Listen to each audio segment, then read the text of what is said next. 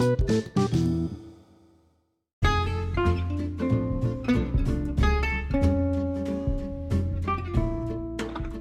datang teman-teman. Uh, kembali lagi di podcastnya uh, Anak Nagari. Ini bersama kita udah uh, udah sudah ada narasumber yang kece-kece. Ada Kadek Sumaja dan uh, Matagus Widodo uh, yang akan menyampaikan tentang apa namanya perkuliahan mereka di istilahnya apa jadinya uh, uh, sekolah kedinasannya BMKG. Ya boleh. Atau apa nama Ya, sekolahnya? STMKG. Sekolah Tinggi Meteorologi. Klimatologi dan Geofisika STMKG. Langsung aja kita mulai. Mungkin kita mau kenalan dulu ke narasumber kita yang kece-kece ini. Mungkin boleh dari nama, terus em, riwayat pendidikannya seperti apa sedikit. Terus habis itu kesibukan saat ini apa. Terus tinggalnya di mana? Kira-kira seperti itu. Siapa yang mau duluan? Ya, gua boleh. Boleh Maja, silakan Maja. Halo semuanya, selamat siang.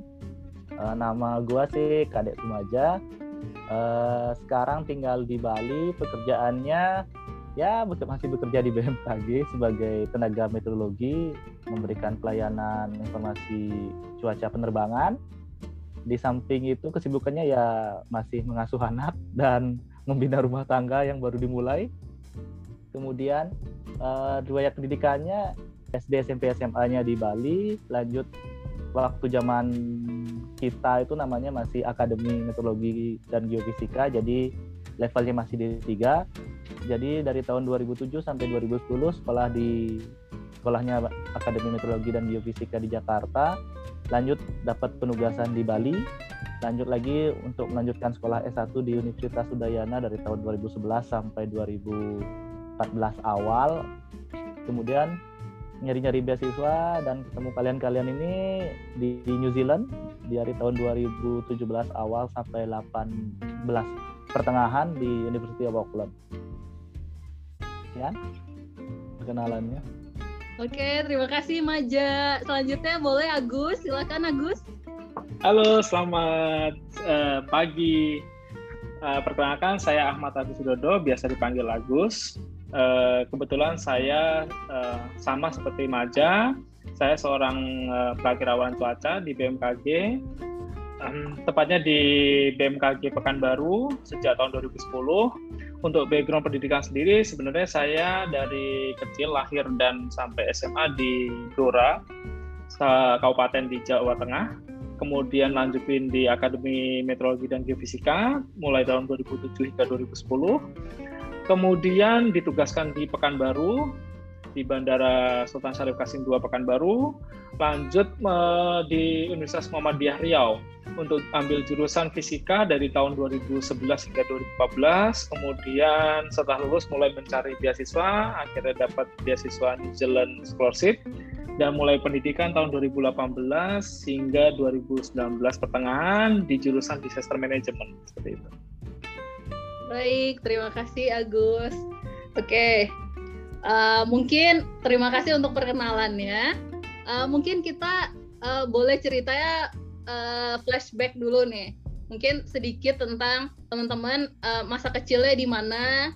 Eh, mungkin bisa ceritain sedikit SD, SMP, SMA, sampai nanti waktu SMA itu kenapa sih dari mana dapat informasi untuk sekolah ke sekolah tingginya BMKG ini gitu. Terus kenapa mau sekolah di situ? Alasannya apa? Apa titik baliknya yang bikin oh gue mau sekolah di situ daripada kampus-kampus yang lain? Boleh mungkin ke Agus dulu? Eh, terima kasih. Jadi sebenarnya dari kecil memang dari mulai sekolah dasar itu di salah satu kampung di Kabupaten Blora, kemudian lanjutin di SMP negeri di kecamatan namanya Kecamatan Ngawen, Kabupaten Blora juga, kemudian di SMA-nya di SMA Negeri Satu Tunjungan di Blora juga. Nah, eh, eh, waktu SMA saya ngambil jurusan IPA karena memang basicnya saya lebih tertarik dengan sains eh, eksak seperti matematika, fisika. Kemudian eh, mungkin secara ah, saya banyak menghabiskan waktu di Blora karena memang orang tua saya di Blora, saya milih sekolah di sana. Em, sebenarnya se- eh, seperti pada anak kecil pada umumnya lah. Sekolah normal kegiatannya juga seperti OSIS, pramuka, kemudian ada PKS, PMR, drama, KTI, kemudian mungkin lomba-lomba juga ikutnya seperti OSN, kemudian lomba cerdas cermat. Nah, seperti itulah. Normalnya seperti anak sekolah yang suka belajar dan berkompetisi seperti itu. Jadi ya going normal, kemudian waktu SMA kebetulan karena memang sering uh, apa namanya ikutin lomba kemudian mewakili sekolah akhirnya dapat beasiswa. Jadi memang saya dapat beasiswa itu dari zaman SMA kemudian ketika lulus SMA sendiri problemnya adalah waktu itu uh, apa ya istilahnya? Um, kalau bisa dibilang ekonominya kurang stabil sehingga memutuskan mencari beasiswa jadi salah satu beasiswa yang saya kejar waktu itu saya pengen daftar uh, salah satu kedinasan lainnya yang memang cukup terkenal di Indonesia. Kemudian saya ngambil kursus Apa sebenarnya. Uh, boleh disebut nih di sini. Boleh boleh silahkan. Oh jadi waktu itu saya pengen daftar STAN sebenarnya. Nah, pengen ambil jurusan pajak.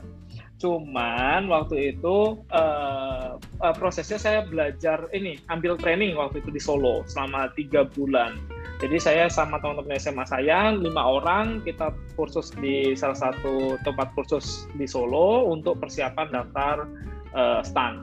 Nah waktu ambil kursus itu tiba-tiba saudara saya itu ya nelpon ngasih info bahwa ini ada sekolah kedinasan juga gratis, dapat uang saku, kemudian nanti lulus jadi PNS gitu. Nah waktu itu dikasih tahu uh, Akademi Meteorologi dan Geofisika ini gitu. Terus saya coba daftar, waktu itu memang prosesnya masih uh, manual, jadi kayak saya kirim berkas lewat pos, kemudian nanti dari pihak kampus kalau memang lolos administrasi dikirim ke saya uh, untuk ikut tes ke Jakarta seperti itu. Nah uh, waktu itu saya cuma daftar dua sekolah ini waktu itu STAN saya ambil tes di Jogja kemudian AMG saya ambil tes di Jakarta gitu. Terus uh, kenapa akhirnya uh, saya memilih AMG karena memang saya waktu itu berpikir bahwa saya orang eksak. Saya lebih uh, nyaman belajar matematika fisika kemudian dibanding saya belajar akuntansi ekonomi waktu itu. Seperti itu. Jadi memang pada akhirnya saya memutuskan AMG karena memang uh, backgroundnya sesuai dengan uh, passion saya lah waktu itu. Oke, baik, menarik sekali Agus. Terima kasih. Gimana nih ceritanya Maja? Uh, ya cerita kalau saya sih ceritanya ya mungkin bisa dibilang hampir mirip dengan Agus, cuma beda lokasi saja.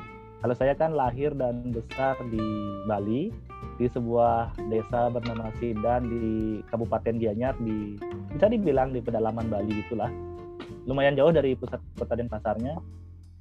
Dari SD, SMP, SMA seperti anak-anak pada umumnya ya kita belajar pada um, dan bermain sambil ikut-ikutan lomba dengan tujuan saya ya untuk mengumpulkan uang juga karena pengen melanjutkan sekolah jadi ke sekolah lebih tinggi jadi kita harus mengumpulkan uang sedikit demi sedikit dengan ikutan lomba. Jadi selama saya ikutan lomba itu motivasinya ya bukan sekedar juara saja tapi ya nyari hadiahnya juga karena melihat dari kalangan ekonomi ya bisa dibilang kurang mampu di mana dari desa saya untuk biasanya orang-orang sih pada mentoknya di SMA saja. Bahkan bukan SMA sih mentoknya di SMK saja. Habis itu mereka pada uh, nyari kerja. Jadi dari SD SMP SMA bisa dibilang saya sekolahnya gratis karena sering menang, menang lomba dan dapat beasiswa.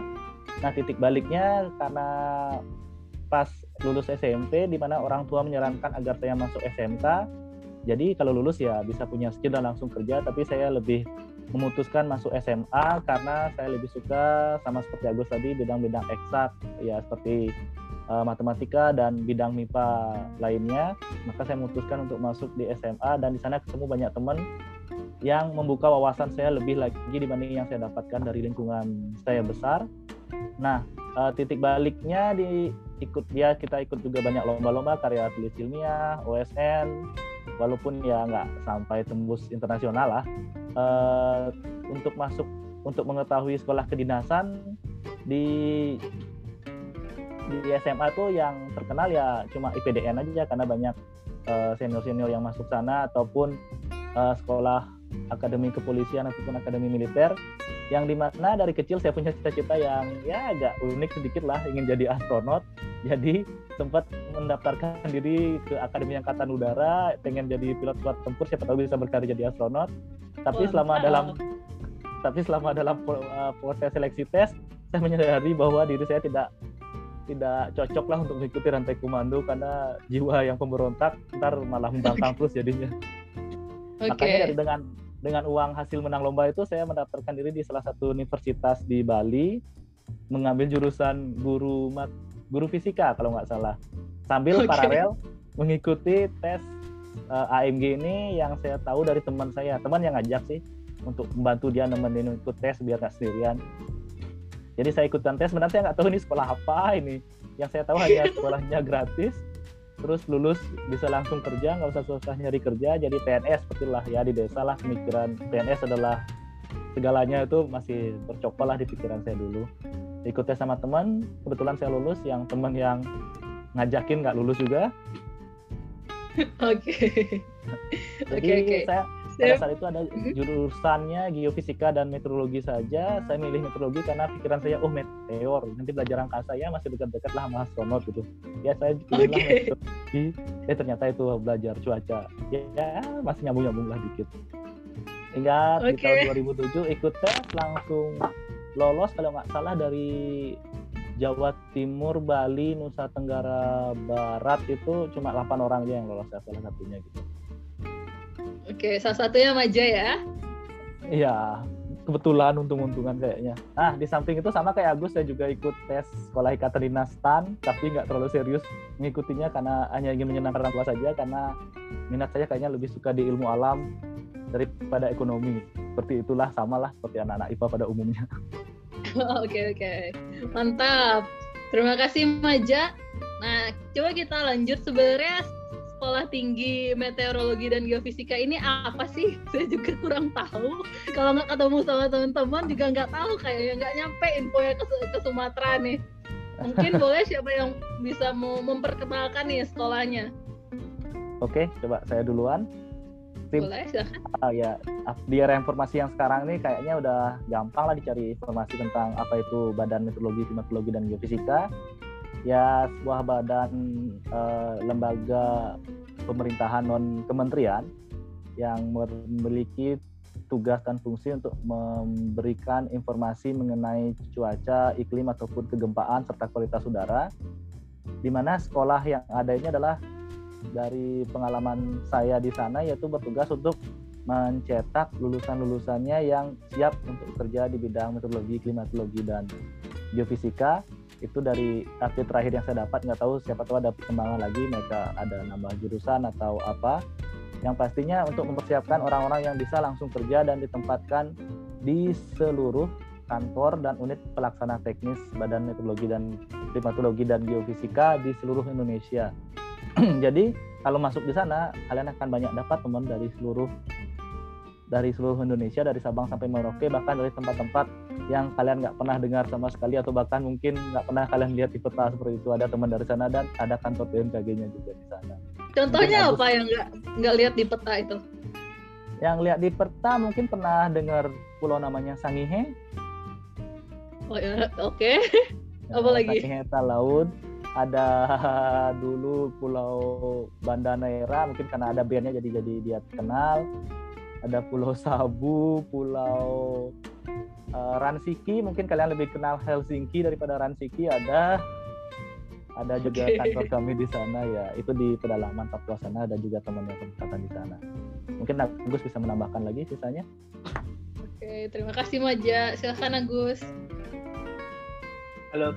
Jadi secara umum sebenarnya sudah dijelaskan oleh Maja terkait dengan apa sih AMG itu sendiri. Nah, sejak sekitar tahun 2013 yang awalnya Akademi Meteorologi dan Geofisika berubah menjadi Sekolah Tinggi Meteorologi, Klimatologi dan Geofisika yang awalnya penerimaannya hanya D3, sekarang berubah jadi D4. Nah, mulai tahun 2008 atau satu tahun setelah saya masuk, programnya itu menjadi eh, satu tahun kuliah D1, kemudian diangkat jadi CPNS, kemudian satu tahun magang, dan dilanjutkan eh, tiga tahun kuliah. Jadi total kuliahnya jadi lima tahun. Tetapi pada tahun kedua sampai tahun keempat, statusnya itu sudah PNS dengan golongan waktu itu 2A karena memang uh, lulusan dari D1. Tetapi mulai tahun 2015 programnya kembali lagi seperti program pada tahun saya yaitu empat tahun kuliah empat tahun kuliah uh, langsung lulus uh, menjadi D4 atau setingkat sarjana terapan. Jadi seperti itu. Nah, uh, untuk jurusannya sendiri sebenarnya sekarang sudah meningkat dari awalnya waktu saya masuk itu dua jurusan kemu, uh, hanya meteorologi dan uh, geofisika. Kemudian pada pada tahun 2009 itu meningkat jadi tiga jurusan, meteorologi, geofisika, dan instrumentasi atau peralatan khusus untuk semua peralatan. Kemudian uh, tahun 2010 enam, uh, tambah menjadi empat jurusan, yaitu tambah klimatologi. Jadi dari tahun 2010 hingga sekarang sekolahnya menjadi sekolah tinggi meteorologi, klimatologi, dan geofisika dengan empat jurusan yaitu meteorologi, klimatologi, geofisika, dan instrumentasi.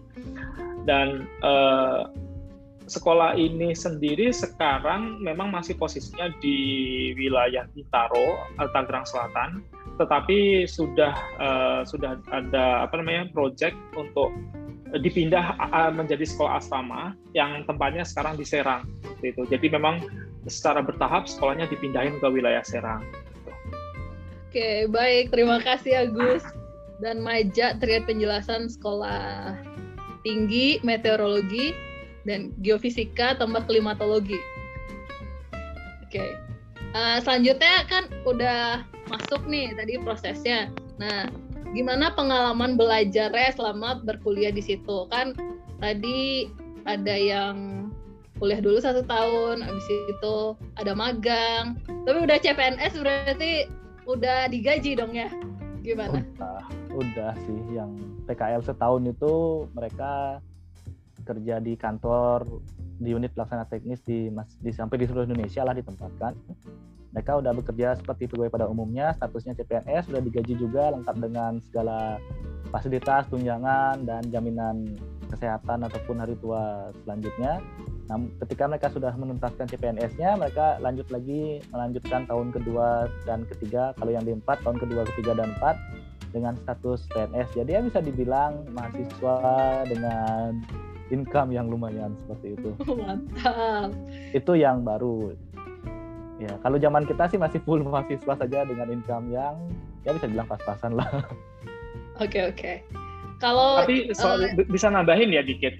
Ya, Tapi ya, program silakan. yang sistem yang itu sudah berakhir tahun 2015. Jadi mulai tahun 2015 itu sekarang hmm. programnya langsung 4 tahun. Jadi memang cuma dapat tunjangan ikatan dinas saja.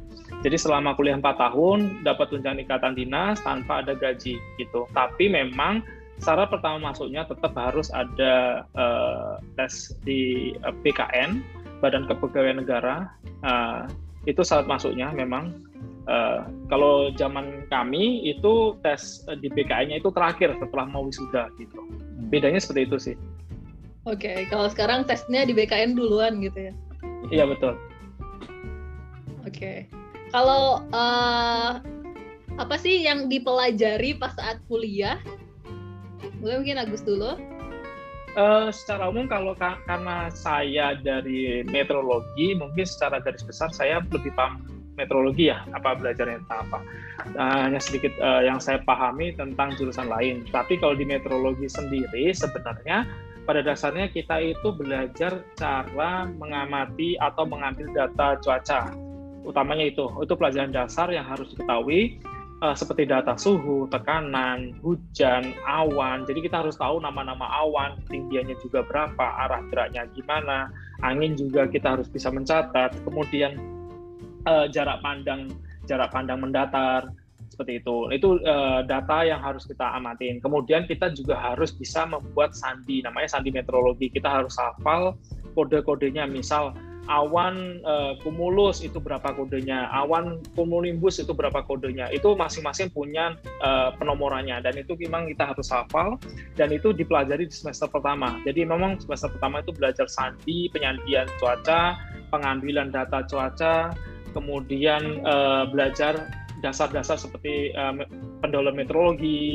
pendahuluan uh, klimatologi. Jadi memang di awal kita memang diberi pelajaran pendahuluan-pendahuluan. Kemudian mulai semester berikutnya kita belajar uh, teori, teori dasar yang lebih advance seperti mungkin fisika awan, fisika atmosfer, fisika dinamis, fisika tropis, uh, kemudian ada namanya numerical weather prediction. Jadi memang kita sudah mulai uh, belajar uh, dasar untuk uh, bikin perakiraan. Kemudian semester berikutnya kita belajar perakiraan. Jadi kita uh, setelah semester satu eh, semester satu dua kita belajar observasi, semester dua kita belajar teori dasar, eh semester tiga empat kita belajar uh, teori dasar, kemudian semester lima enam kita belajar bikin perakiraan cuaca seperti itu.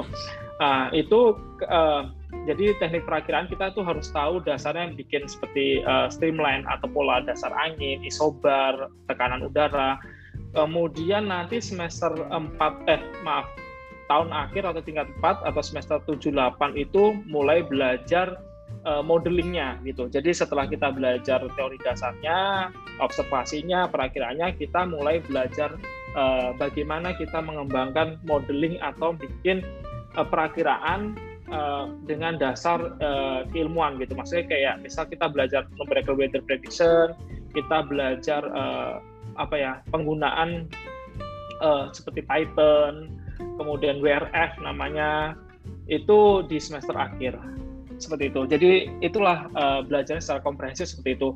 Kemudian untuk jurusan lain mungkin saya kurang paham banyak, tetapi seperti klimatologi itu lebih menekankan uh, pembuatan perakiraan secara musiman. Jadi memang mereka lebih fokus ke statistiknya. Kalau meteorologi lebih fokus ke fisika, matematika. Kalau klimatologi lebih fokus ke statistik. Kemudian geofisika sendiri itu belajar pertama mungkin terkait dengan kegempaan, kemudian magnet bumi, gravitasi, hilal seperti itu.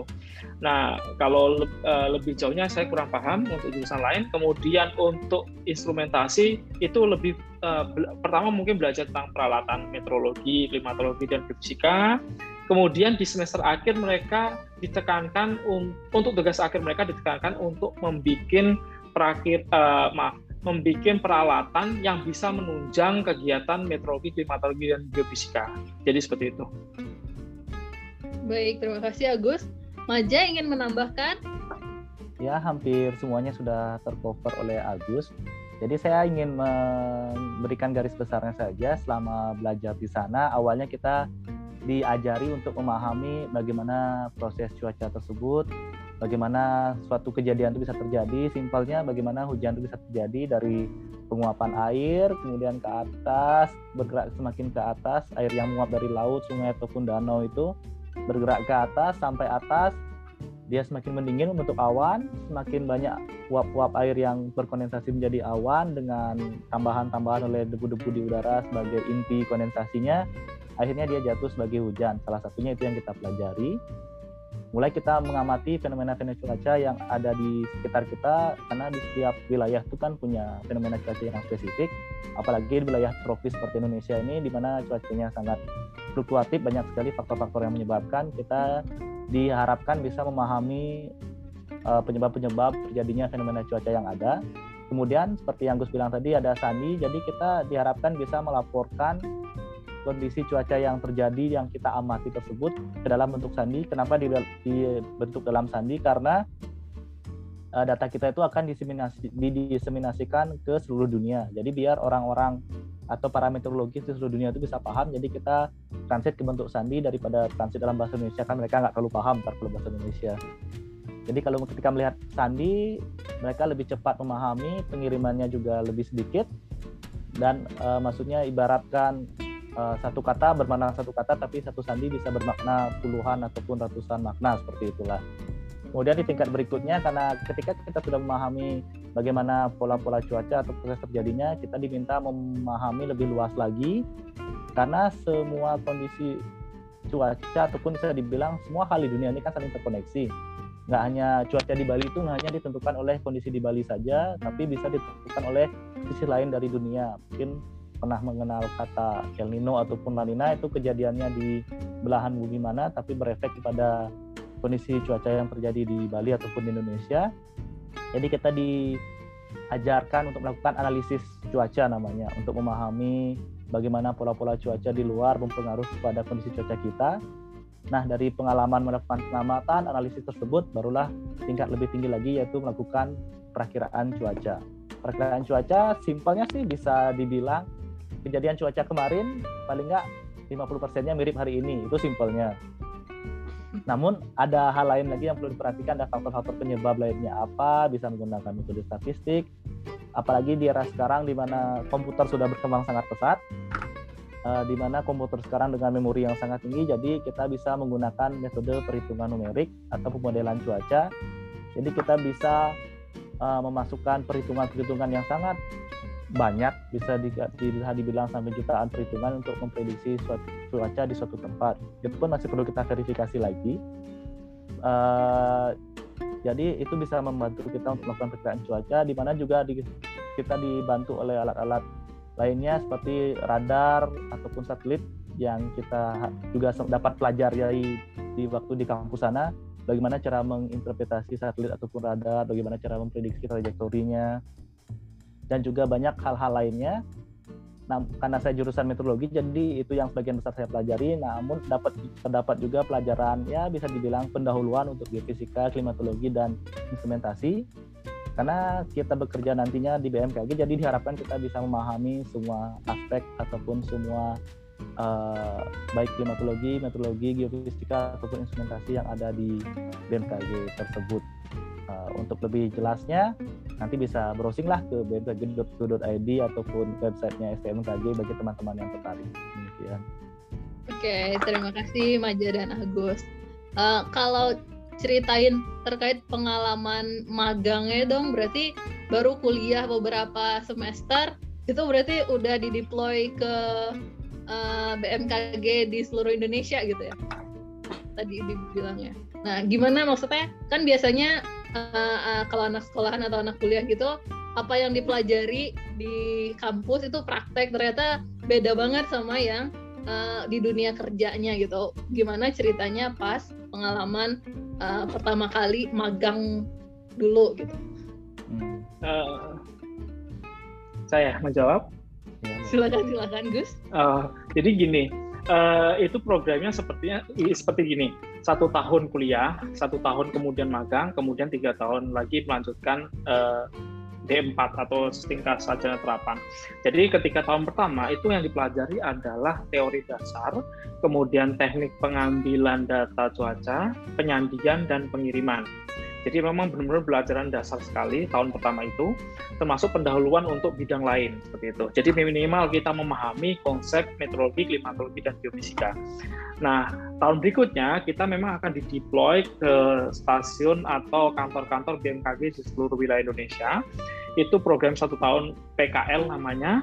Jadi dalam satu tahun PKL itu memang tugas utamanya kalau di meteorologi yaitu pengamatan eh, atau pengambilan data cuaca, penyandian dan pengiriman. Jadi memang tugasnya sesederhana itu mereka tidak punya tanggung jawab atau hak untuk membuat perakiraan cuaca karena memang itu bukan background mereka atau basic mereka seorang perakirawan. Mereka backgroundnya hanya seorang pengamat cuaca.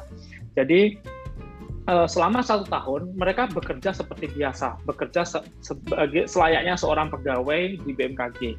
Tapi tugasnya memang seorang observer atau pengamat cuaca.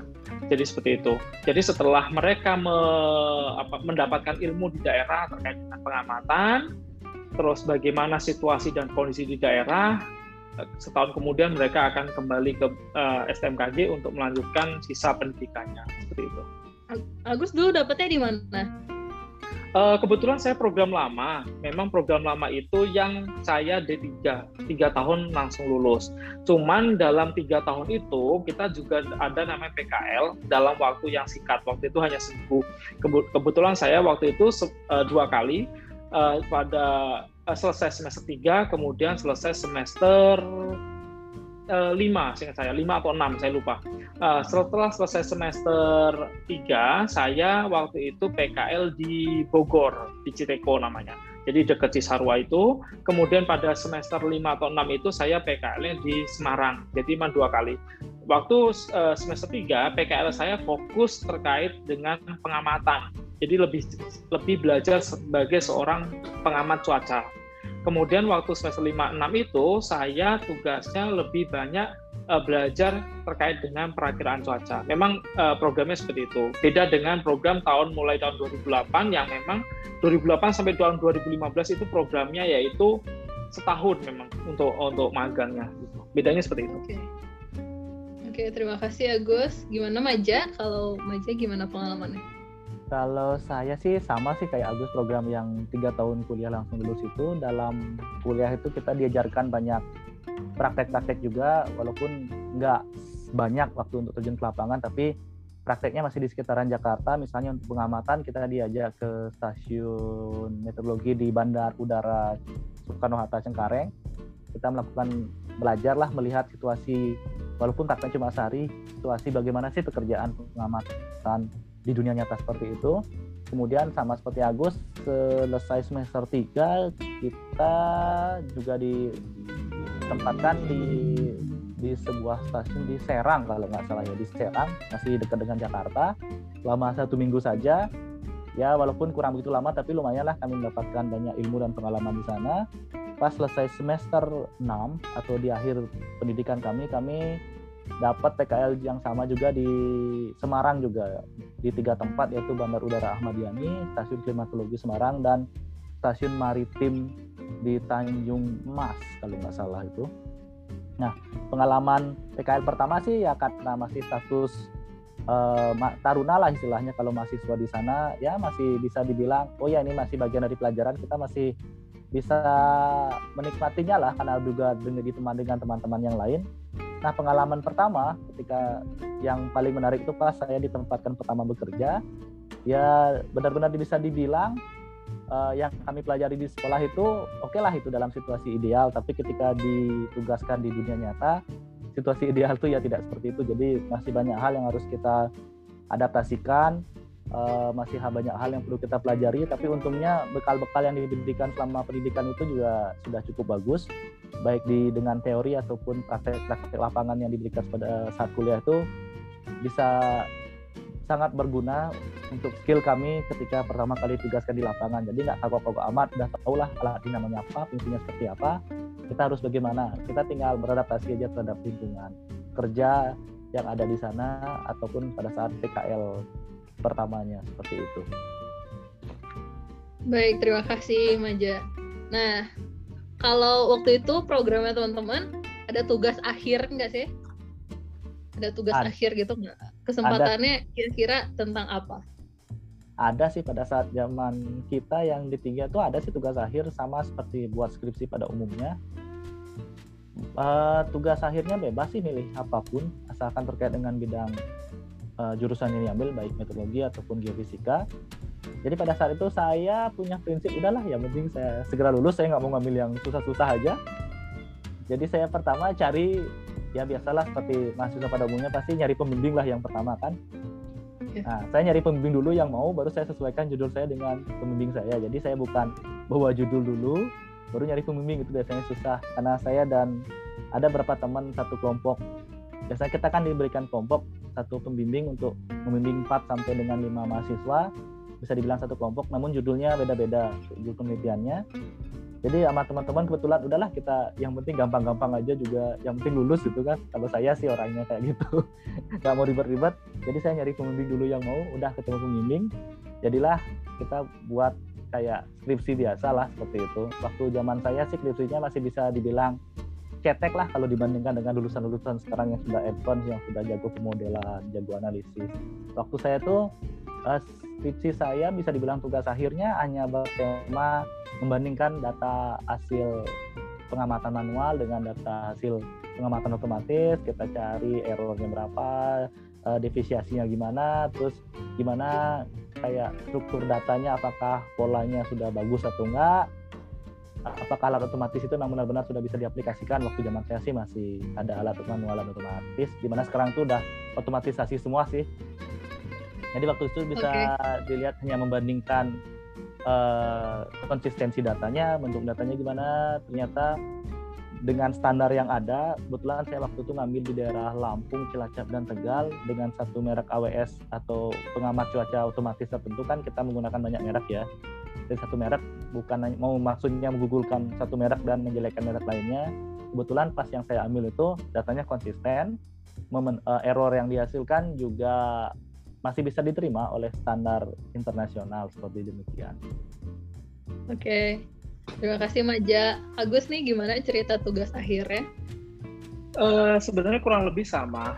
Uh, jadi kan mulai mencari pembimbing itu mulai semester 4 akhir. Jadi udah mulai nyari kira-kira pembimbing mana yang bisa uh, membimbing kita sesuai dengan apa ya saya uh, passionnya, passion kita ke arahnya mana gitu. Kemudian waktu itu memang saya cari pembimbing terlebih dahulu yang sekiranya pembimbing itu uh, sepemahaman sama saya, sevisi sama saya. Nah kebetulan waktu itu memang saya fokusnya lebih ke uh, perakiraan iklim. Jadi walaupun memang saya waktu itu jurusan meteorologi, Nah, kebetulan waktu itu jurusan klimatologi belum ada, jadi memang untuk jurusan meteorologi sendiri boleh mengambil konsentrasi di meteorologi atau ke klimatologi. Nah, kebetulan waktu itu saya ngambil konsentrasi di klimatologi, dapat pembimbing, kemudian waktu itu saya diberi tema uh, lokasi, waktu itu saya ngambil uh, studi kasusnya wilayah Cianjur, Jawa Barat, tetapi metodenya saya tentuin sendiri. Jadi waktu itu saya menentukan metode untuk penelitian awal musim hujan untuk wilayah musiman atau seasonal uh, it, untuk wilayah Cianjur menggunakan metode statistik namanya ARIMA atau Auto Regressive Integrated Moving Average. Jadi mungkin uh, beberapa kawan-kawan mungkin tahu metode ARIMA ini. Nah, metode ARIMA ini memang lebih cocok untuk perakiraan uh, wilayah-wilayah musiman. Karena di Indonesia sendiri kan terdapat tiga tipe iklim ya uh, musiman atau uh, seasonal itu untuk wilayah seperti Jawa, kemudian wilayah uh, eh, NTT, NTB gitu. Kemudian wilayah ekuatorial, uh, maaf yang seasonal itu maksudnya monsunal. Kemudian uh, ekuatorial itu seperti wilayah sepanjang ekuator dan kemudian lokal seperti wilayah Sorong dan sebagian wilayah Maluku seperti itu. Nah, kebetulan Arima ini cocok untuk wilayah uh, monsunal seperti wilayah Jawa. Sehingga saya waktu itu karena memang cocok wilayah di Cianjur, jadi saya gunakan metode Arima ini untuk bikin perakiraan awal musim hujan di wilayah Cianjur seperti itu. Terima kasih Agus. Uh, sama mau nanya ini nih satu lagi. Uh, selama berkuliah di sini, ada kesempatan buat ikut ekstrakurikuler atau organisasi di luar akademik nggak sih? Boleh siapa yang mau bantu? Jawab duluan. Uh, boleh coba dulu ya. Uh, jadi kan uh, waktu kalau kuliah kan normal memang kita sebagai taruna biasanya kuliah kita pakai seragam yang memang harus misal rambut cepat kemudian uh, fit ya karena memang kita harus rutin olahraga, kemudian kita harus rutin karate waktu itu untuk bela diri. Terus kemudian ekstrakul itu ekstrakuler wajib, ekstrakuler wajib ya olahraga dan karate. Memang itu wajib untuk diikutin. Kemudian uh, ekstrakuler yang tidak wajib itu banyak uh, seperti ada iptek, kemudian ada uh, apa namanya olahraga itu olahraga juga macam-macam. Ada basket ada volley ada pingpong ada badminton. Kemudian ada catur ada bridge seperti itu. Kemudian ada wanastia yang emang seperti anak mapala. Kemudian organisasinya lagi ada marching band. Oh ya marching band. Kemudian uh, marching band maaf sampai lupa. Ada marching band. Dan marching band ini memang waktu itu tahun pertama itu dimulai di SKKG itu waktu zaman saya tahun 2008 kemudian ada namanya pasus atau pasukan khusus. Nah pasukan khusus ini adalah eh, anak-anak terpilih yang uh, punya tanggung jawab lebih seperti ketika ada upacara khusus seperti upacara 17 Agustus kemudian upacara uh, Sumpah Pemuda uh, terus kemudian kesaktian Pancasila. Mereka memang yang bertugas di kampus maupun di BMKG Pusat Kemayoran seperti itu. Nah, marching band juga seperti itu, mereka juga bertugas ketika memang ada acara-acara khusus, terutama di BMKG. Nah, kalau kegiatan luar kampus, kita ada organisasi namanya FMKI atau Forum Mahasiswa Kedinasan Indonesia. Jadi itu memang forum yang menyatukan seluruh uh, mahasiswa kedinasan uh, di wilayah Indonesia. Nah, memang setiap tahun kita ada namanya uh, Olimpiade Perguruan Tinggi Kedinasan atau OPTK. Nah, itu memang uh, sarana mahasiswa-mahasiswa kedinasan berkumpul untuk berkompetisi dalam kegiatan olahraga. Nah, biasanya memang uh, kita selalu mengirimkan wakil dan memang dominannya kalau di AMG atau STMKG ini kita uh, dominan menangnya di olahraga-olahraga yang uh, apa ya mengedepankan uh, pikiran dibanding fisik. Kita biasanya kalah kalau soal fisik uh, dibanding sekolah kedinasan model IPDN gitu ya, SPPD gitu. Kita memang kalah secara fisik, tapi secara otak kita memang bersaing.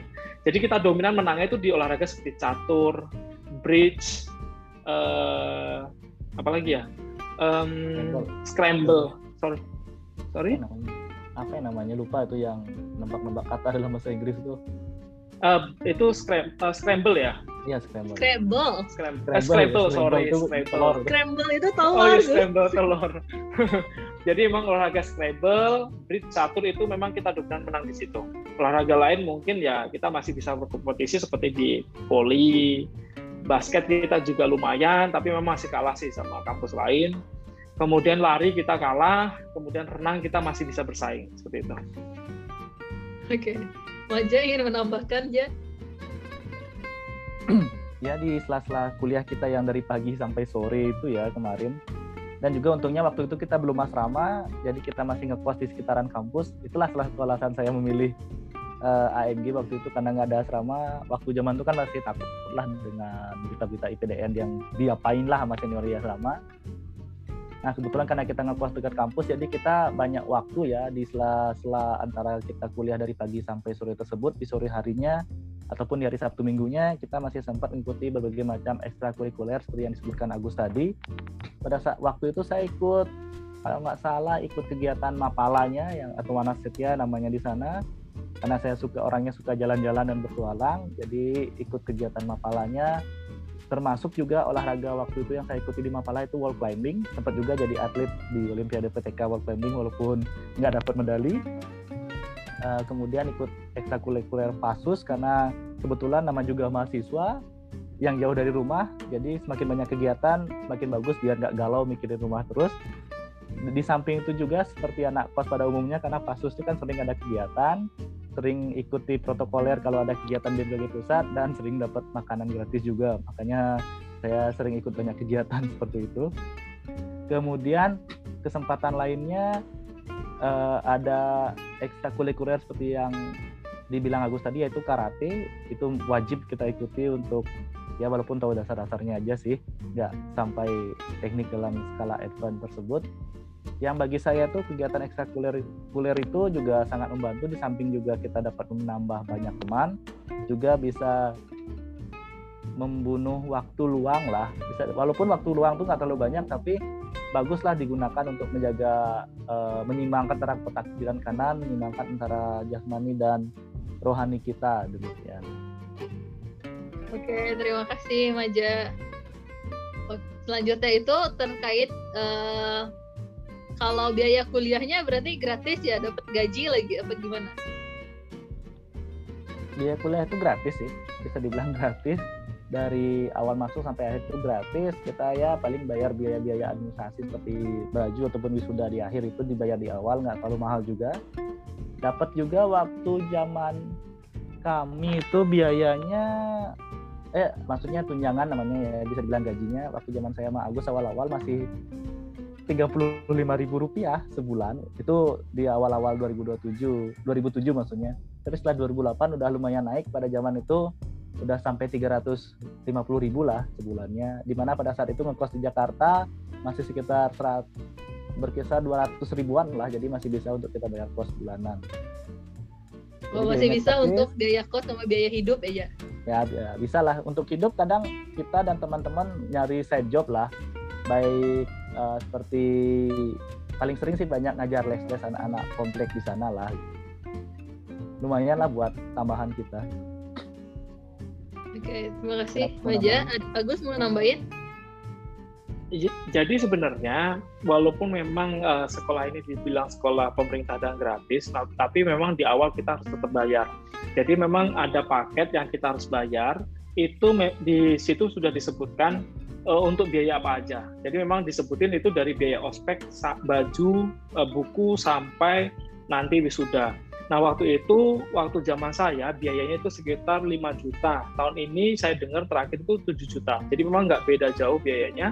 Itu udah sudah mengcover semuanya. Nah uh, kelebihannya adalah walaupun eh, kita sudah bayar 5 juta di awal, tapi nanti setiap satu semester atau awal semester kita diberi uh, buku dan peralatan tulis. Jadi tas, baju, semua seragam itu dikasih di awal. Kemudian setiap saat semester baru dikasih peralatan tulis lengkap. Uh, jadi selama enam semester saya dapat enam kali untuk semua peralatan itu.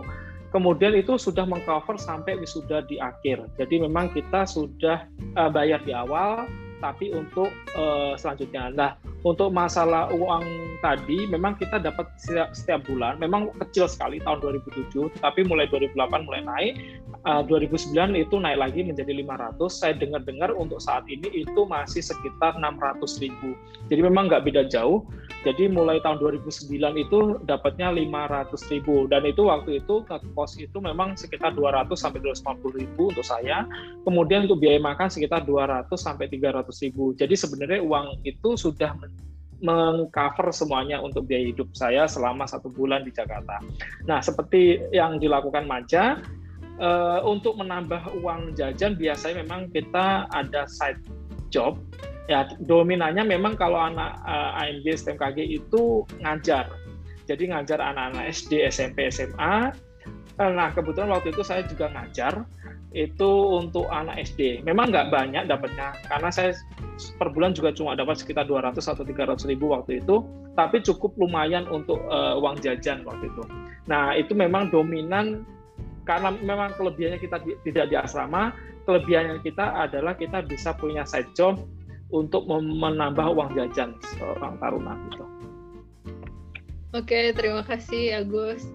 Uh, selanjutnya itu terkait dengan uh, penempatan kerja nih. Nah kan sudah tiga tahun tadi, terus sudah lulus. Nah sekarang berarti udah uh, siap untuk bekerja di deploy ke BMKG di seluruh Indonesia dong ya. Nah boleh ceritain dulu uh, teman-teman itu penempatannya di mana, terus gimana uh, uh, pengalaman pekerjaannya di penempat tempat penempatannya itu. Ada rotasi gitu nggak sih gitu? Boleh? Hmm. Mau siapa duluan?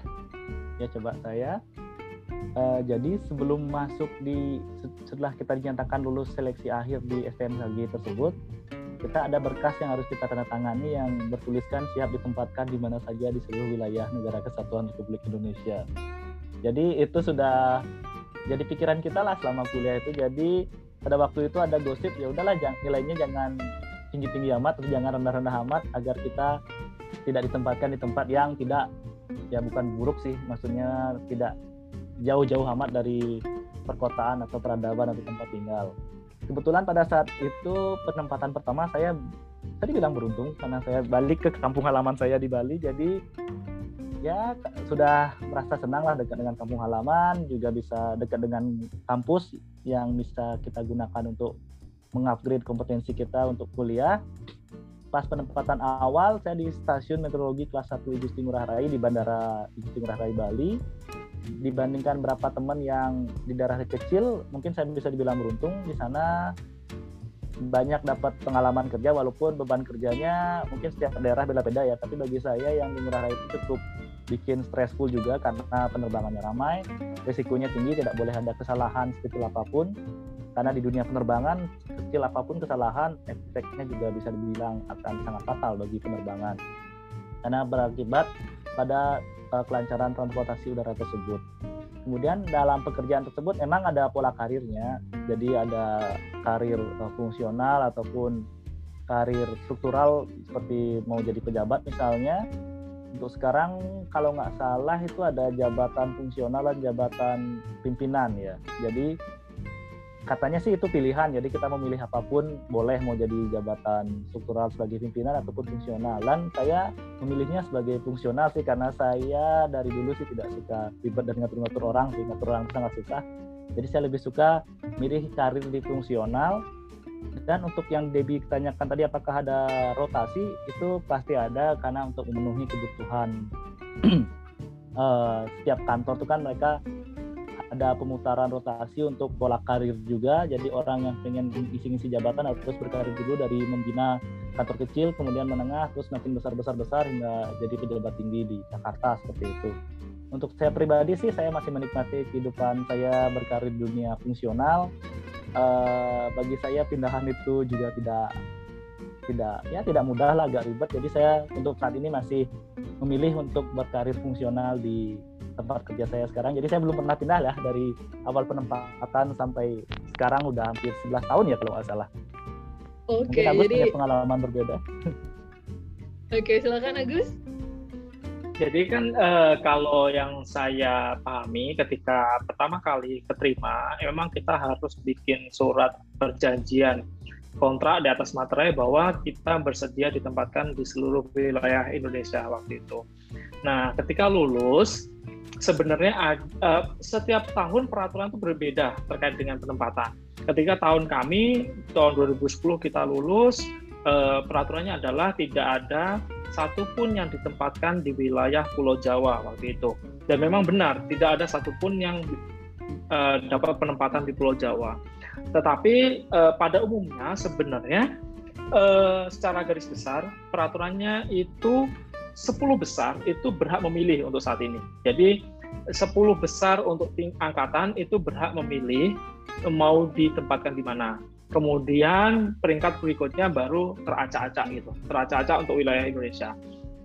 Uh, kebetulan karena tahun saya itu tidak ada ditempatkan di Pulau Jawa, kemudian uh, ini juga peringkat juga masih berpengaruh. Ketika peringkatnya masih cukup baik, biasanya akan dominan ditempatkan di kantor-kantor kelas 1 BMKG. Dominan kantor kelas 1 di BMKG itu adalah kantor koordinator di provinsi atau di ibu kota provinsi di seluruh wilayah Indonesia.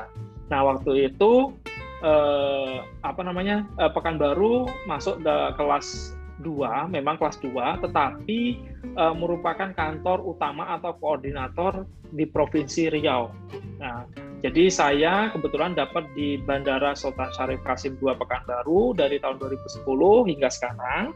Saya masih bekerja di e, BMKG-nya Pekanbaru, di kantor koordinator koordinator Pekanbaru, sekarang sudah menjadi kantor kelas 1 dan e, untuk kantor-kantor kecil memang biasanya uh, banyak teman-teman yang memang peringkatnya dominan di bawah, agak di bawah misal 20 ke 30 di setiap kelas itu biasanya dapat kantor-kantor yang di kelas 3, kelas 4 atau di kota-kota kecil seperti itu.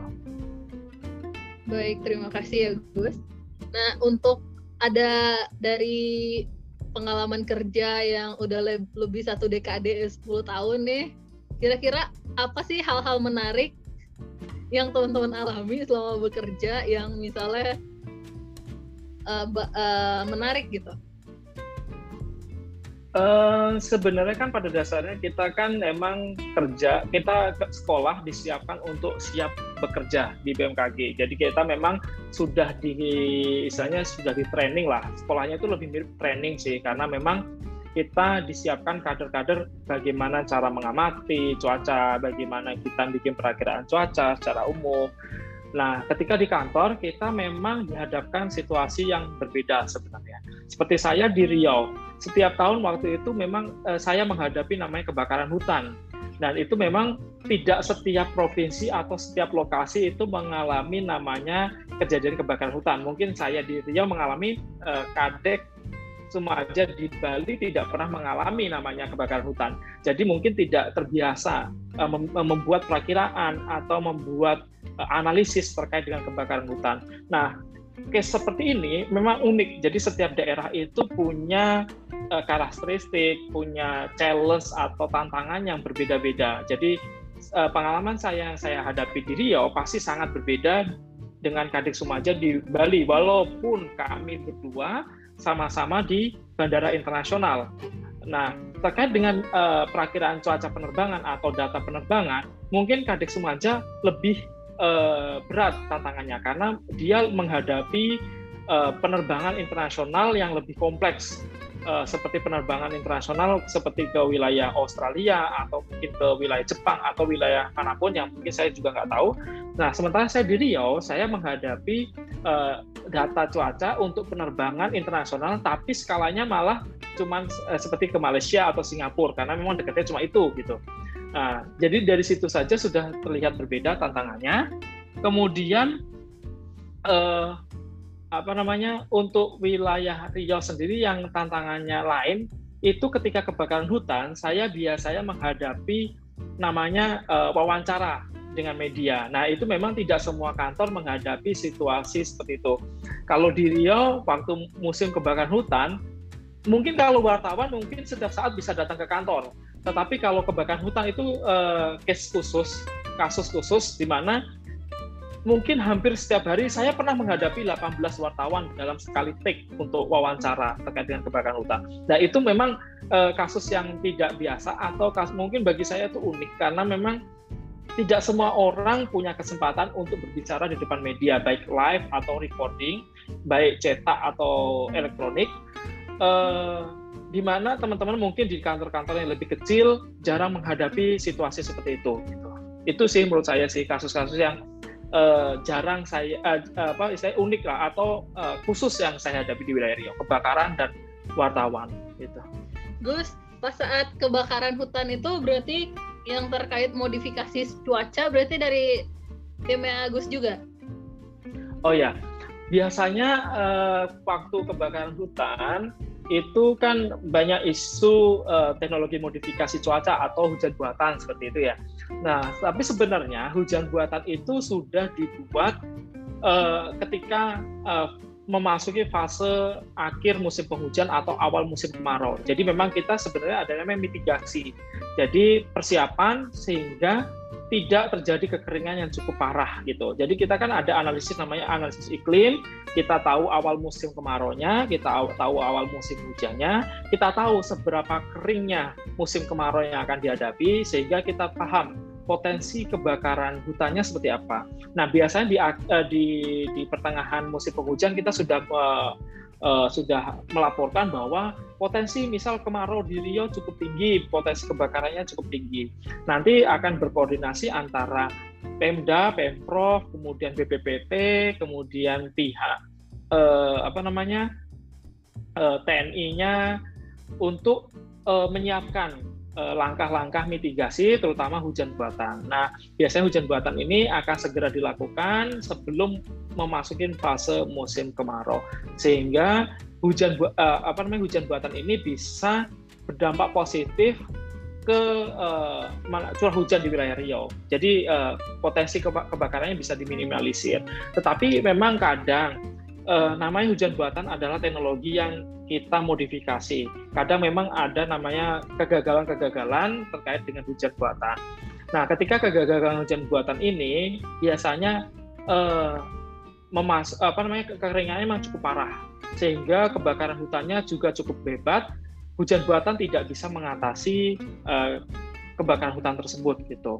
Nah, itu biasanya kalau misal fase gagal. Nah, selain hujan buatan untuk kebakaran hutan, juga di Rio itu biasanya bikin hujan buatan untuk mengisi waduk uh, untuk PLTA karena memang PLTA ini kan memang bergantung sekali sama curah hujan. Kalau debit airnya uh, kurang karena curah hujannya minim, biasanya dampaknya adalah uh, pasokan uh, listriknya juga berkurang. Nah, efeknya apa? Biasanya uh, akhirnya banyak daerah, terutama wilayah Rio itu uh, banyak pemadaman bergilir seperti itu. Nah, biasanya sebelum musim kemarau tiba, tim BMKG, PLN, sampai BPPT sudah menyiapkan langkah-langkah hujan buatan untuk mengisi waduk, terutama waduk uh, Koto Panjang kalau di Riau, kemudian ada Singkarak, itu juga yang mengerjakan uh, TMC atau teknologi modifikasi cuaca di Provinsi Riau. Itu sih kerjaan yang menurut saya uh, khusus yang jarang dilakukan, tetapi memang signifikan untuk masyarakat. Baik, terima kasih Agus.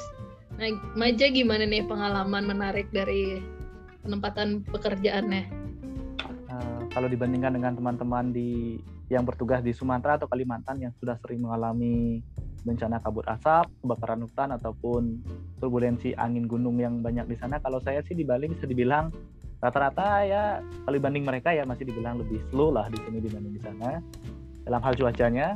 Namun uh, dalam hal penerbangannya sebelum COVID ya, kalau sekarang ya sama-sama sepi lah. Kalau sebelum COVID uh, penerbangan di sini sangat ramai, bisa dibilang hampir ratusan penerbangan per hari yang membuat kami harus memberikan respon cepat uh, dan akurat dalam waktu yang singkat juga dengan peralatan-peralatan yang kami jaga agar selalu beroperasi secara prima.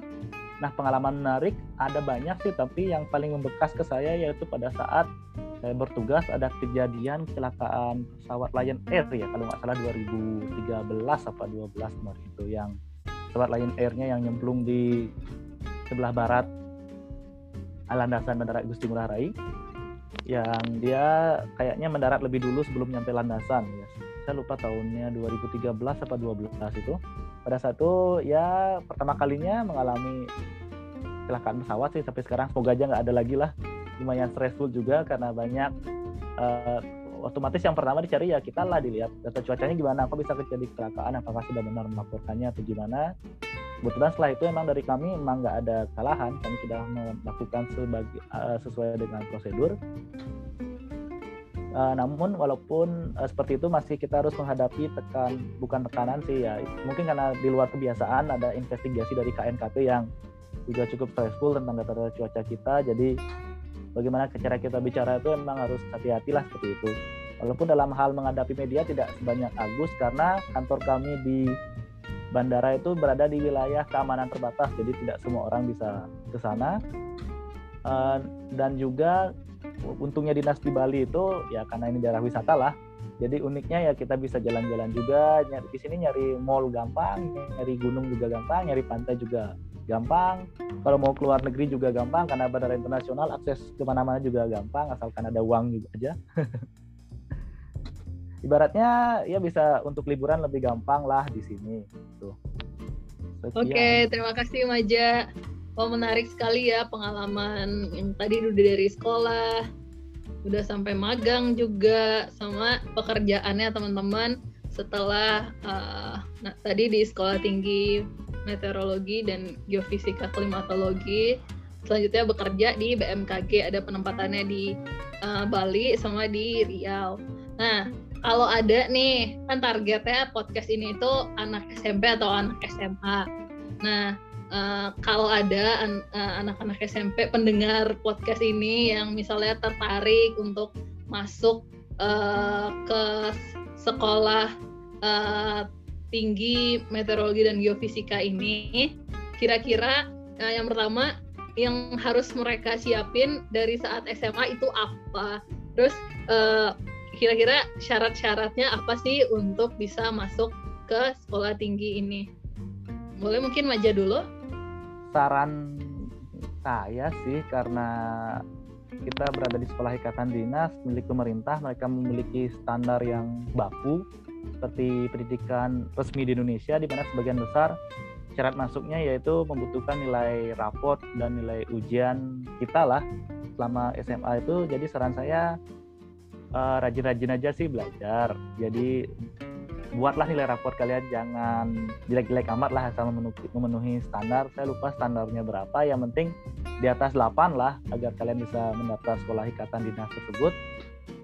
Karena uh, di, di samping nilai raport tersebut banyak-banyak juga ikuti kegiatan-kegiatan seperti olimpiade, lomba-lomba ataupun hal-hal lainnya yang bisa membuat kalian berbeda dari teman-teman lainnya. Bisa misalnya punya prestasi di olahraga ataupun di seni ataupun di uh, di uh, pendidikan formal itu tetap aja di bus jangan lupa juga uh, mengasah skill kalian karena tidak hanya sekedar nilai akademik tapi skill-skill untuk bertahan hidup atau skill untuk berteman, skill untuk menjadi literasi itu sangat penting ke depannya ketika kalian sudah berkuliah ataupun uh, bekerja.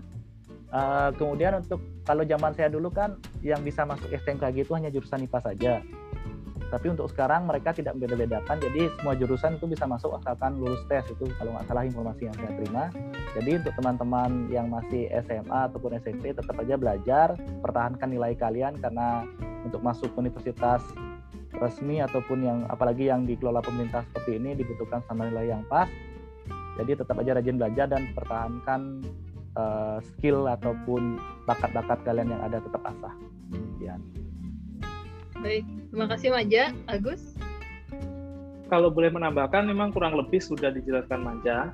Tetapi uh, ini tambahannya adalah untuk masuk ke STMKG sendiri, itu sekarang uh, boleh dari jurusan IPA, IPS, kemudian SMK. Terutama SMK ini memiliki kompetensi keahlian di uh, teknik mekatronika, teknik elektronika, kemudian uh, teknik elektronika industri, teknik jaringan akses, kemudian teknik transmisi telekomunikasi, terus kemudian jurusan rekayasa perangkat lunak, kemudian teknik komputer dan jaringan. Jadi untuk jurusan SMK itu jurusan yang saya sebutkan, kemudian untuk SMA bisa IPA atau IPS. Nah, syaratnya adalah nilai rapot, terutama nilai rapot uh, kelas 2 dan kelas 3 untuk nilai matematika, fisika, dan bahasa Inggris itu harus di atas 7 itu minimal.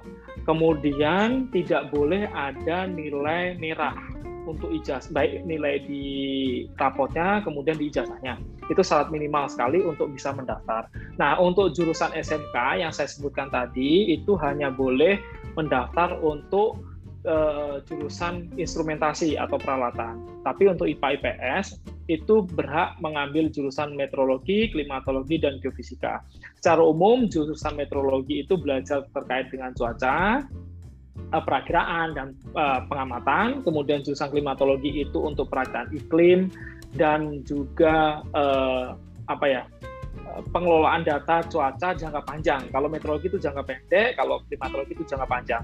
Kemudian geofisika lebih ke kegempaan dan tsunami. Nah, itu untuk uh, jurusan yang di, bisa diambil dari jurus anak IPA atau IPS. Kemudian syarat lain yaitu uh, boleh minus dengan maksimal minus 4 dan silinder 2, tetapi ketika nanti diterima itu wajib untuk operasi lasik dengan biaya sendiri.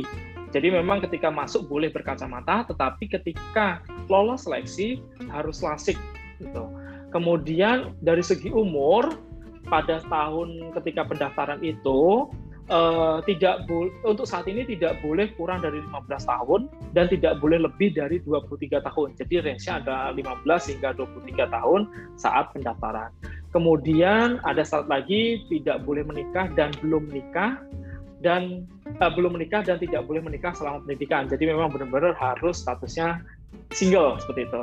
Kemudian ya secara kesehatan itu memang tidak boleh uh, ada narkoba, tindik, tato, kemudian penyakit-penyakit yang sekiranya bakal menghambat ketika pendidikan.